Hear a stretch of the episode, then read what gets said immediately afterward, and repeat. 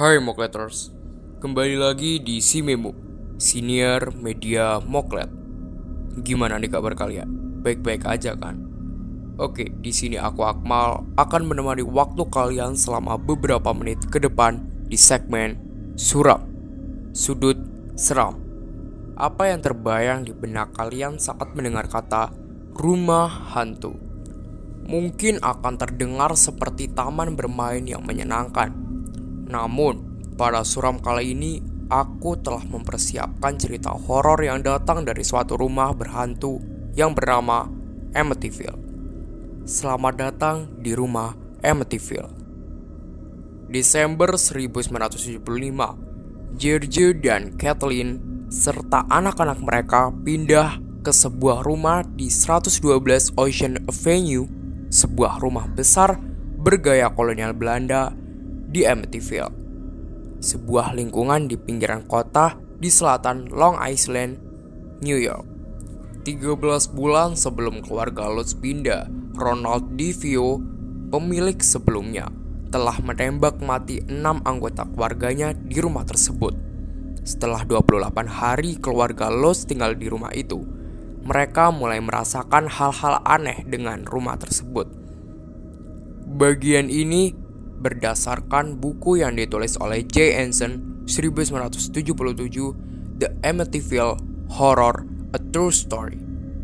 Rumah bernomor 112 di Ocean Avenue telah kosong selama 13 bulan setelah Divio membunuh anggota keluarganya. Hingga pada Desember 1975, keluarga Lutz membeli rumah tersebut seharga 80.000 dolar Amerika. Rumah yang memiliki enam kamar tidur ini dibangun dengan gaya kolonial Belanda dan memiliki atap yang melengkung.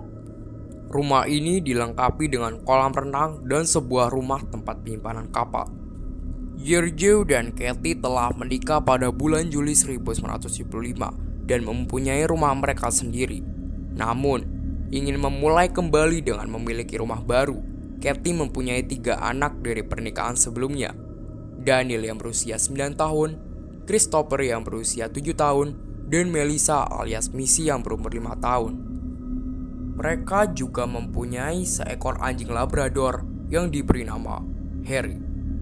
Selama pengecekan mereka, saat akan membeli rumah tersebut, oleh agen mereka telah diberitahukan mengenai pembunuhan yang dilakukan oleh Diveo. Namun, mereka menganggap hal tersebut bukanlah masalah. Keluarga Lutz pindah ke rumah tersebut pada 18 Desember 1975. Sebagian besar mebel dari keluarga Divio masih ada karena semuanya termasuk dalam kesepakatan jual beli.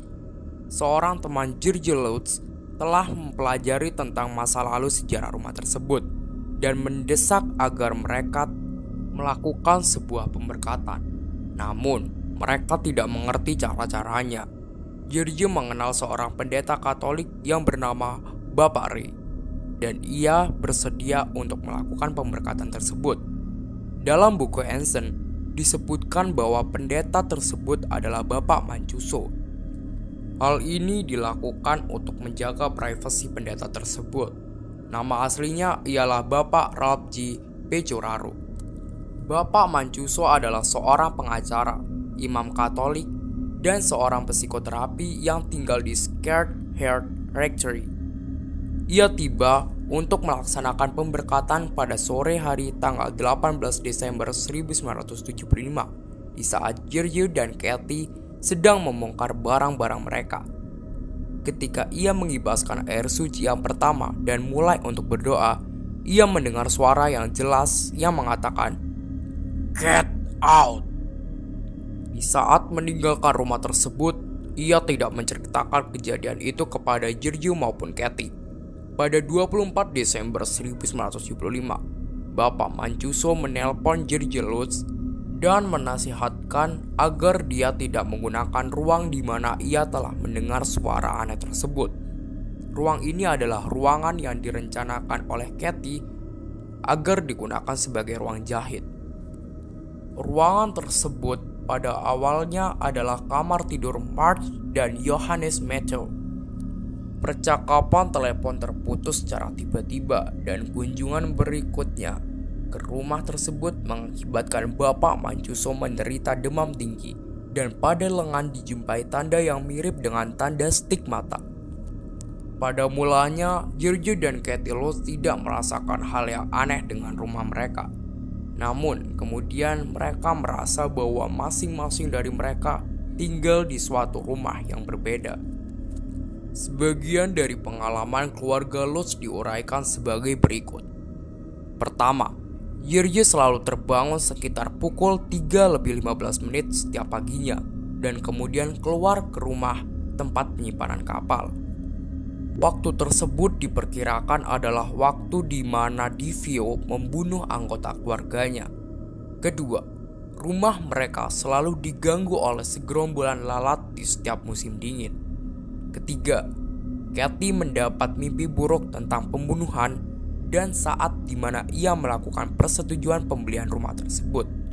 Anak-anak mereka juga mulai tertidur dengan terlungkup posisi yang sama saat mayat Divio ditemukan. Keempat, Katie merasakan seolah-olah sedang dipeluk dengan penuh kasih oleh suatu kekuatan yang tidak terlihat. Kelima, Katie menemukan sebuah ruang kecil yang tersembunyi di belakang basement rumah tersebut. Dindingnya bercat merah dan ruangan itu tidak tampak di dalam denah rumah. Ruangan itu kemudian dikenal dengan nama The Red Room. Ruangan ini memiliki pengaruh terhadap anjing mereka yang bernama Harry, yang selalu menolak untuk mendekat dan selalu berjongkok seolah-olah merasakan sesuatu yang negatif. Keenam, ada udara dingin bau parfum, dan kotoran di dalam rumah, di mana tidak terdapat saluran udara atau jalur bagi sumber tersebut.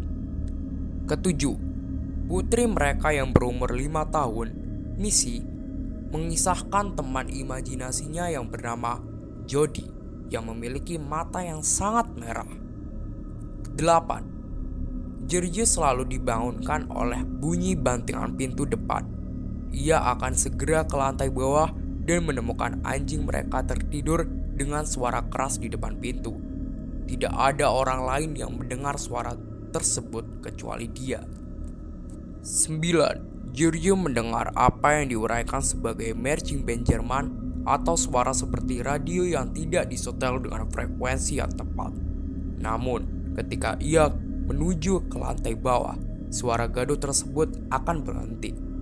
10. Giorgio disadari bahwa ia memiliki kemiripan kuat dengan Ronald DiVio dan memulai bermabukan di The Witch's Brew bar di mana DiVio adalah salah seorang pelanggannya.